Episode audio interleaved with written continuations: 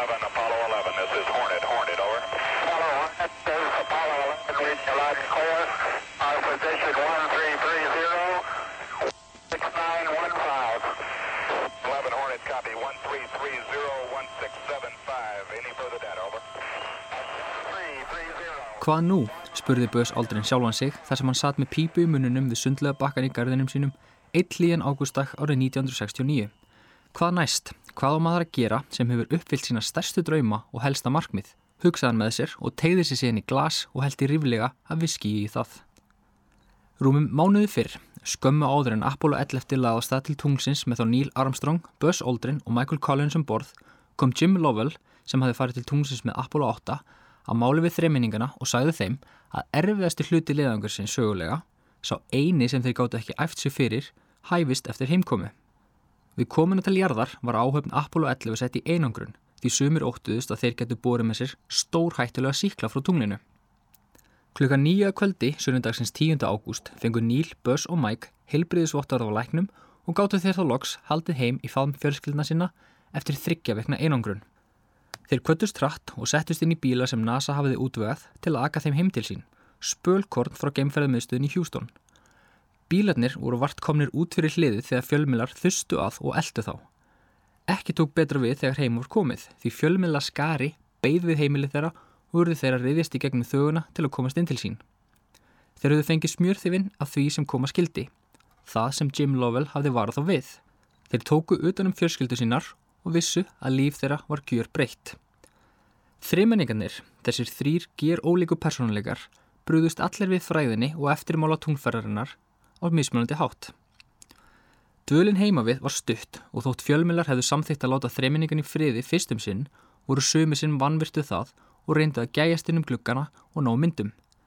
Buzz var meira að segja hund eldur á fjölmilum þegar hann fór að kaupa sér jakkafödd fyrir hátíðahaldin sem voru framöndan.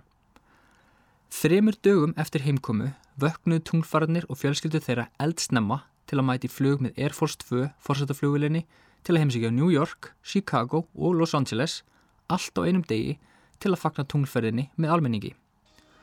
Förinni var fyrst heitið til New York þar sem týjir þúsunda manna komu saman til að hitla geimfarana. Glitpappir ringdi yfir bílalestina þar sem geimfarnir sátuðu og veifuðu til mannfjöldans í opnum bílum sem ógöfum stræti New York borgar. Fólk hljóp með bílunum í örvætingaföllri tilrönd til að ná myndum af þeim eða taki hendur þeirra.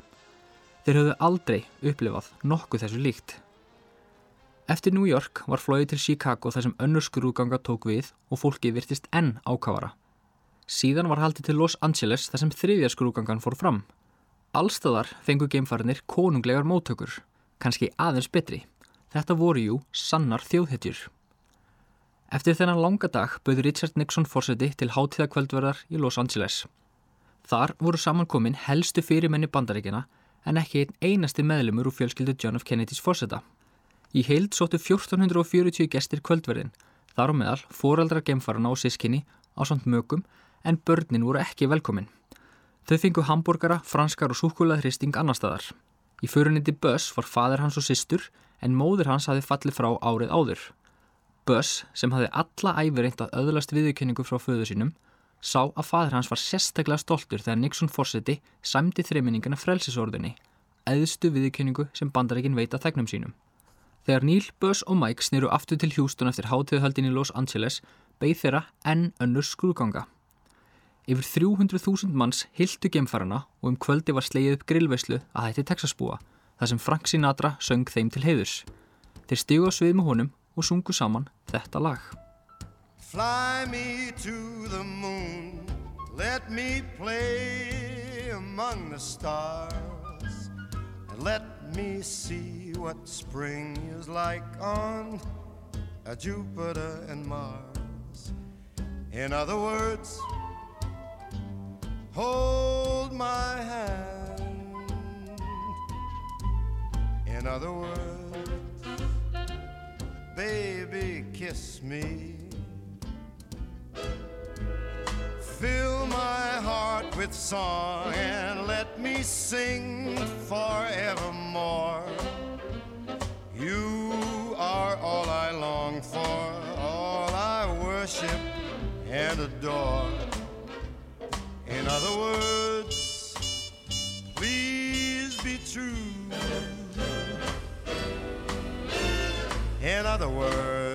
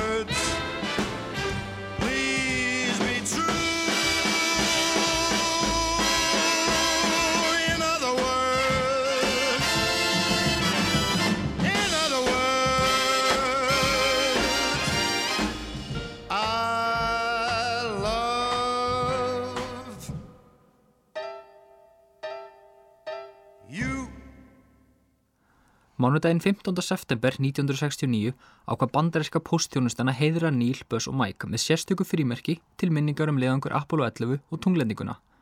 Það hljómaði allt saman vel. Þanga til hulunni var sveift af frímerkinu. Á því var teikning af Neil einum að stíga verninum á tunglið og undirstóð fyrsti maðurinn á tunglinu. Buzz og Mike brostu vandræðilega þegar þeir sáu frímerkið. Þetta var ljúfsór vilningavottur en það fannst þeim dálitið framhjá sig gengið. Buzz var ekki beinlinnins ósáttur við frímerkið, honum fannst það bara dálitið skrítið, sérstaklega þegar þeir voru allir beðnir um að árita frímerki sem síðan eru seld fyrir gott málefni. Þótt Buzz hefði orðið fyrir nokkrum vonbyrðum með frímerkið var fadir hans bál íllur og fór í krossferð til að fá textanum á frímerkinu breytt. Hann vildi að það staði fyrstu mennirnir á tunglinu. Fadir hans gekk raunar svo langt að mótmæla fyrir utan kvítahúsið, haldand og skilti sem ástóð Sónur minn var líka fyrstur. Haustið 1969 fóru Neil, Buzz og Mike í heimsreisu fyrir hönd bandaríkjana. Ferðin hófst raunar á ferðalagi millir háskóla í bandaríkjunum og voru þeir ekki alltaf auðfúsu gestir. Stúdentarnir hefðu sterkar skoðanir á stríðin í Vietnam og fjármagninu sem varið var til tungferðana og fengið útrás fyrir skoðanir sínar með því að gríta eggjum og tómundum í átta tungferðunum. Heimsreisan stóð yfir í 44 daga og heimsóttu þeir 23 lönd. Í hverju landi hittu þeir þjóðhöfðingja og fengu hlýjar móttökur hvert sem þeir fóru, en smám saman fór þeim að líða eins og þeir varu sirkustýr. Ferðalögin voru líjandi. Þeim fannst næstum auðveldar að fara til tungsins en flakka millir landa. Allstæðar þurftu þeir að halda ræður, stundum margar á dag, og sá Níl oftast um að tala. Á ferðaleginu tóku Níl og Mike báður eftir að eitthvað undarlegt voru að segja þeim með Buzz. Þeir sáu að hann virkaði stundum dabur og vildi gerna dvelja einn á hótelinu í rúminu eða drekka áfengi á meðan þeir fari út að borða. Buzz drakk töluvert og var óvinnu fámall. Annarslægið fengu þeir stutt frí frá ferðalögum og heldu það heim til Hjústón. Á skrifstum þeirra beð slíkt flóð af brefum frá fólki frá öllum heimsórnum að þeir sáu vart skrifbónin sín. Buzz og Neil hugðust reyna að svara öllum brefum saminskusamlega en gáðust fljótt upp. Slíkur var fjöldin og jógst aðeins þegar á leið. Þeim fannst sárt að geta ekki svarað öllum, sér í lagi áhuga samum krökkum sem dreymdi um að feta í fótspór þeirra. Þegar heimsriðsunni lauk bauði Nixon fórseti tunglförunum til kvöldverðar í kvítahúsinu. Nixon var áhuga samur um tunglferðina og vildi líka vita hvað þeir hegðust taka sér fyrir hendur. Fyrir ferð Apollo 11 bauð Deke Slayton yfir maður geimfarana Mike Collins að stýra vara áhöfn Apollo 14 sem þýtti að hann myndi stýra leiðangri Apollo 17 og ganga á tunglinu. Mike þakkaði Deke gott bóð en sagði að ef leiðangur Apollo 11 lukkaðist vel ætti það hann að hætta sem geimfari. Michael Collins hafnaði sem sagt bóði um að ganga á tunglinu. Þegar hann tjáði Nixon að hann vildi vinna fyrir utanækisráðunitið, tók forsitin upp síman og ringti í utanækisráðurann William Rogers og bað hann að hitta Mike. Mike starfaði hjá utanækisráðunitinu í eitt ár, eða þar til hann gerðist forstuðumæður loft- og geimferðarsapsins í Washington, sem er, ásamt Louvre í Fraklandi, aðsóknarmestasapn í heiminum. Allir ákvöðu að segja skili við geimfarastarfið. Þóttir ættu alla möguleika á að fara aftur í tunglferð, fannst þeim réttast að hleypa öðrum geimfurum að. Neil sagðist vilja vinna aðeins lengur hjá NASA en þá við flugverkfræði.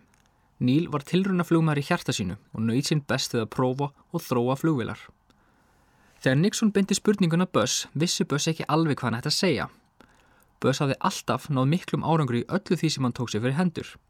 Hann lagði vissulega mjög hart að sér en var líka heppin að vera á réttum stað á réttum tíma. Hann hafði flóið til tungsins og stíði fæta á hann nött. En hvað tók við? Hvaða nýja markmið geti hann sett sér? Hvað geti hugsanlega toppa það að ganga á tunglinu? Andlega var Buzz eiginlega orðin eins og hann lísti yfirbori tungsins. Stórfengleg auðn. Hann var andlega búin á því eftir heimsortnaflakkið og aðtekli fjölmila sem fylgdu þeim hvert fótmál. Af þrýikinu átti Buzz erfiðast með að fóta sig í lífinu eftir tunglferðina. Hann fekk fjölda bóða um að setjast í stjórnir fyrirtækja og tók sumum þeirra eftir að NASA veitti samteki sitt. Buzz átti í vandræði með engalífinu. Hjónabandi leiði fyrir fjölmiðlaatiklina og þá staður enda Buzz var sjaldan heima til að sinna fjölskyldinu en þau Joan höfðu líka fjarlæst hvort annað og vissu það bæði. Ári eftir tunglferðina var Buzz stattur á samkum á vegum flughersins í New York þegar hann kom auðga á glæsilega konu sem þar var stödd. Þau löðuðust hvort að öðru og vörðu nóttinni saman. Buzz var ekki eini geimfærin sem stóðst ekki freystingun og hjælt fram hjá eiginkonu sinni. Geimfærinni voru stórstjórnur á þessum tíma og hafði úr nægu hvern fólk að velja sem gaf þeim undir fótinn. Eiginkona hans, Joan, vissi lengi vel ekki á framhjálpinu þótt Buzz flýi reglulega frá Houston til New York í fangi á hjákonunni. Hjónabundið voru í mólum.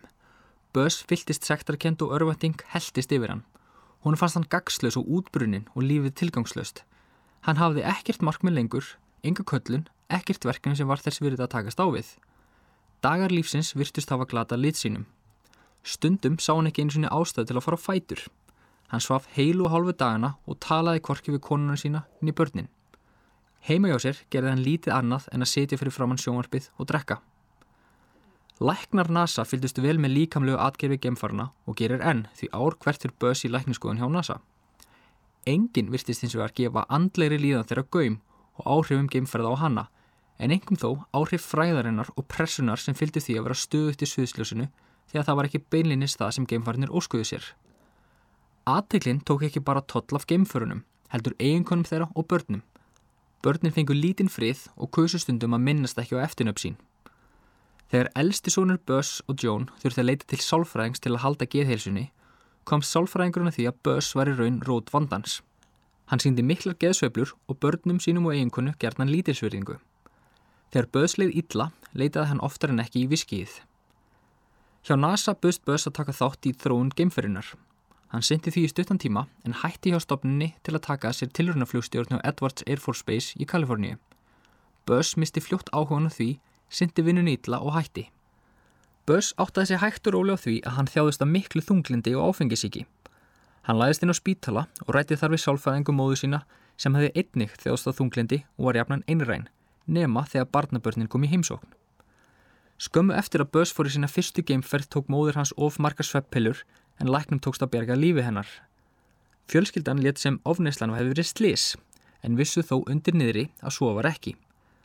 Ári fyrir tunglferðina sögulegu lest hún af ofstórum skamti á sveplifim.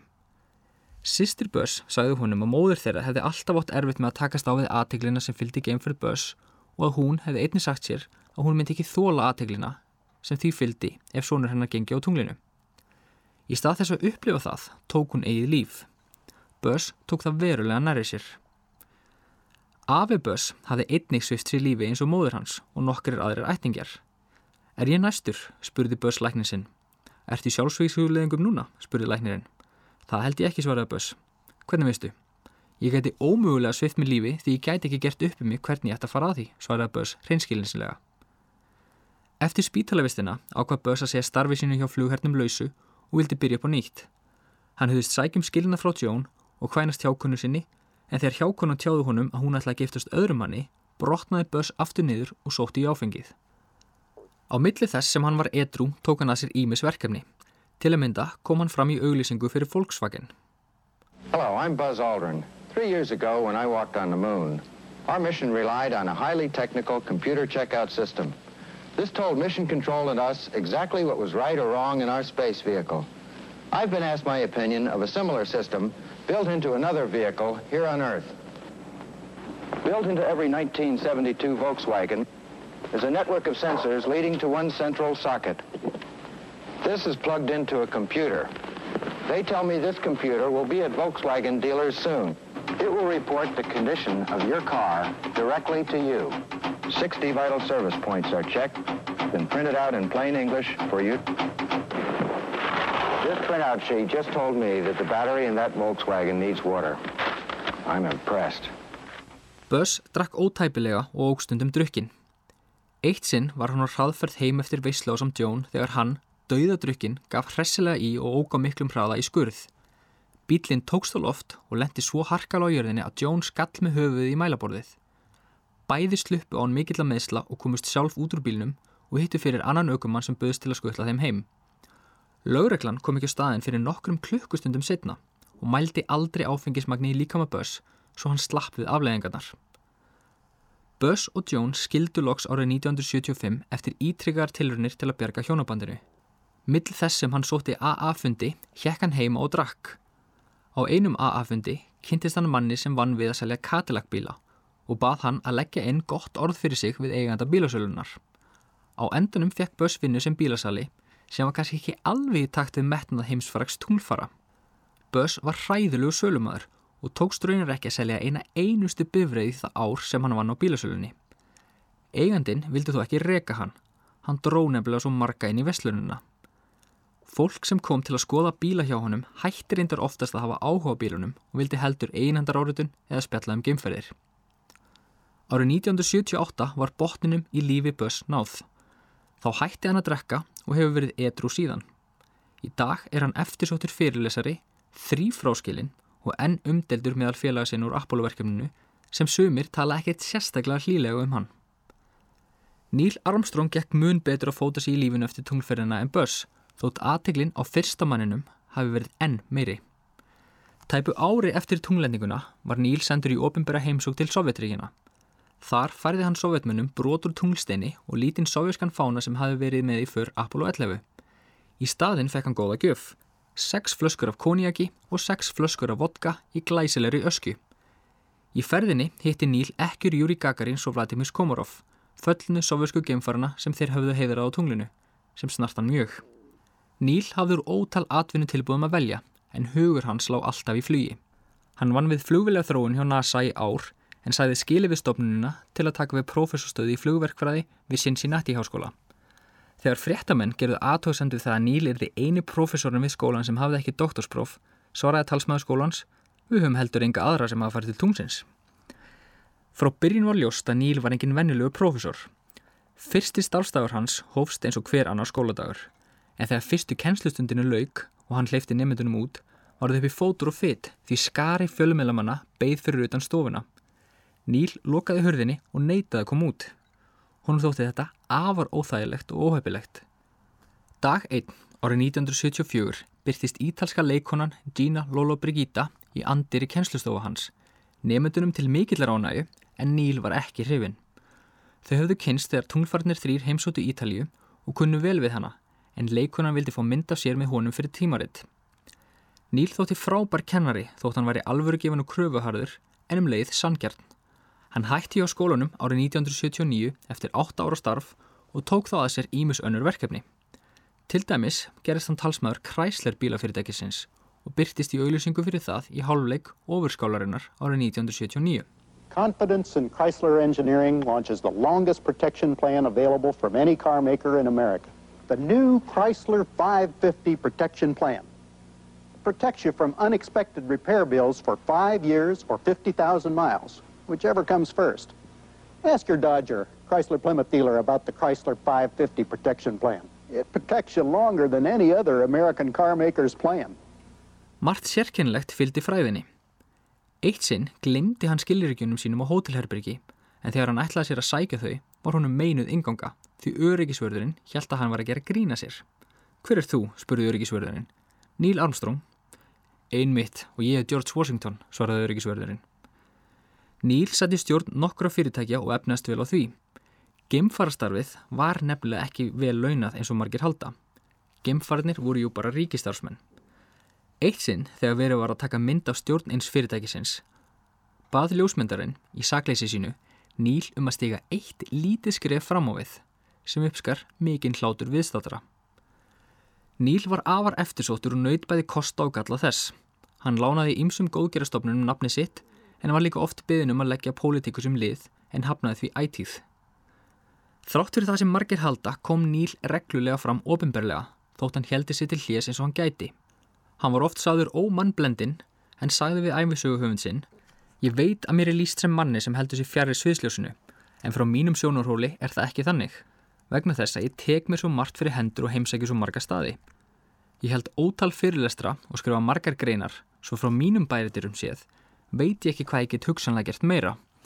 Ég ger mér samt grein fyrir því að ég gæti ekki komið einu prósent af öllu því verk sem ég beðin um svo fyrir öðrum geti það virst eins og ég ger ekki neitt. En ég get ekki breytt því. Níl saði ennfrömmur að hann teldi að fólk ætti að vera þekkt fyrir afreik sín og það sem það hefur lagt af mörgum til samfélagsins. Ég met margt fólk og afreik þeirra mikils en ég trúi því að afreikin ætti að vera mikilvægust, ekki fólki sjálft. Fræð og frami ætti ekki komið í staðin fyrir það sem það hefur afreikað, sagði hann. Ásóknin í Níl var slíka hann þurfti að ráða mannesku til að sjá um að svara posti sem honum barst. Fyrstu tvo áratugina eða svo eftir tungferðina áriðaði hann allt sem hann var beðin um. Í kringum 1992 komst Níla því að verið var að selja áriðanir hans og falsanir líka. Hann ákvað því að hætta að gefa einandar áriðanir og fylgdi þar í fótspór Charles Lindbergh. Í dag seljast áriðanir frá Níl á 10 og upp í 100.000 króna. Á Íslandi eru til að minnstu kosti tvær einandar áriðanir Níls. Annars vegar í dagbók Sigurður Þóranssonar frá æfingarferðinum árið 1967 og í gestabók sem var í herðubræðalindum, þar sem allir geimfarnir rituðu nöpsín. Níl fannst hann ekki að skilið alla þessa aðtikli. Í heimabæ hans í Wapakoneta í Ohio beru söpn og flugvillu nafni hans en Níl var aldrei sáttu við það því hann var aldrei spurður álits. Honum þótti verst að sjá fólk reyna að græða á nafninu. Um flugvillin sagði hann Þetta er almennur flugvillur, svo ef þau hefðu spurt hefði ég líklega sagt allt í lagi. Vandamálið er að á flugvillinum eru verslani sem bera nöfn flugvillarins eins og Neil Armstrong Electronic Shop. Árið 1994 kerði Neil fyrirtæki sem bjóð til ljólaskreiningu með litlum gemfari sem bar nafn hans og gaf frá sér rött hans. Fyrirtækið hafði aldrei beðið um leifi til að nota nafnið, svo Neil kerði það. Máli var list á þann að það fór fyrir dóm með greiðslu frá fyrirtækinni til Purdue háskóla sem Neil nam við. Sérkennilegasta dæmið um misnótkund fólks á nafni Níls tengist hári hans. Snemma árs 2005 fór Níl í klipping og rakarostofu í heimabæsinum, sömu rakarostofu og hann hafði sótt í meira en 20 ár. Þegar Níl var búin í klippingu, sapnaði rakarinn saman hári tungfarans og seldi þá á netinu fyrir 3000 dollara. Níl var ekki par hrifin og krafði rakaran um að skila hárunu aftur eða gefa upp hæðina til góðgerramála. Rakarinn gerði kvorugt heldur sendi brefi til fjölmila. Níl fór heldur ekki varhlut af ýmsum flökkusögum. Hann var sagður hafa snúist til Íslamstrúar upp úr 1980 og Ímis félög lögu því til að hann var í félagi í þeim. Einn frægasta flökkusagan tengist hins vegar Gorski nokkrum. Sagt var að eftir að Níl fór aftur inn í tunglferina eftir tunglgönguna hafi hann sagt Good luck Mr. Gorski. En hver var þessi Gorski? Sagan er svo að þegar Níl var krakki var hann að leika hafnabolta með vinum sínum þegar boltin lent á lóðinni fyrir framann svefnabreykiskluggan hjá nákvæmum hans, herra og frú Gorski. Það sem Níl sótt í boltan, heyrði hann frú Gorski segja við herra Gorski. Munnmögg, viltu munnmögg? Þú færð munnmögg þegar strákurinn í næsta húsi gengur á tunglinu. Þótt sagan sé skemmtileg er engin fótur fyrir henni. Níl sagði aldrei good luck, Mr. Gorski. Versta legasagan er þó samsæriskenningin um að Níl og Böss og allir hinnir hefðu aldrei farið til tungsins, að tungferðnar hefðu verið sviðsettar. Þó tungferðnar séu óhreikjanleik staðreind var Níl oft spurður út í hana og barst allmörg bref frá illa upplýstu fólki. Hann pyrraði sig þó aldrei á samsærisinunum, jafnvel þótti var stundum dónalegir og aðgangsharðir. Eitt sinn kildi Böss Aldrin samsærisina sem hund eldi hann á götum úti og rópaði ókvæðis orðum að honum. Maðurinn kerði Böss fyrir líkamsárás en saksóknari neita að taka málið upp eftir að hafa séð upptöku af atfökunu. Sami aðli og Böss kildi ruttist inn á heimili Níls stuttu fyrir atfökið. Árið 1991 fekk Níl vægt hjartaáfall þar sem hann var stattur í skíðaferði í Aspen. Skömmu áður hafði hann mist báða fóröldra sína. Á sama tíma sótti Janet kona hann sem skilnað eftir 38 ára hjónaband. Níl tók það mjög nærri sér og var lengi á eftir niðurdrein og eðlaði maður og grátbað Janet um að snúast hugur. Ári eftir skilnaðin hitti Níl konu sem var 15 árum yngri en hann, Karol Næta nafni, en hún hafði skömmu áður mist eiginmann sín í flugslýsi. Tveimur vikum eftir að þau hittist var Karol að sinna gardvinnu þegar síminn ringdi. Halló, heyrðist lávarum rómi hinum einn línunar. Hver er þetta? spurði Karol. Níl. Níl hver? Níl Armstrong. Ó, hvað vilt þú? spurði Karol. Hvað ert að bralla? spurði Níl.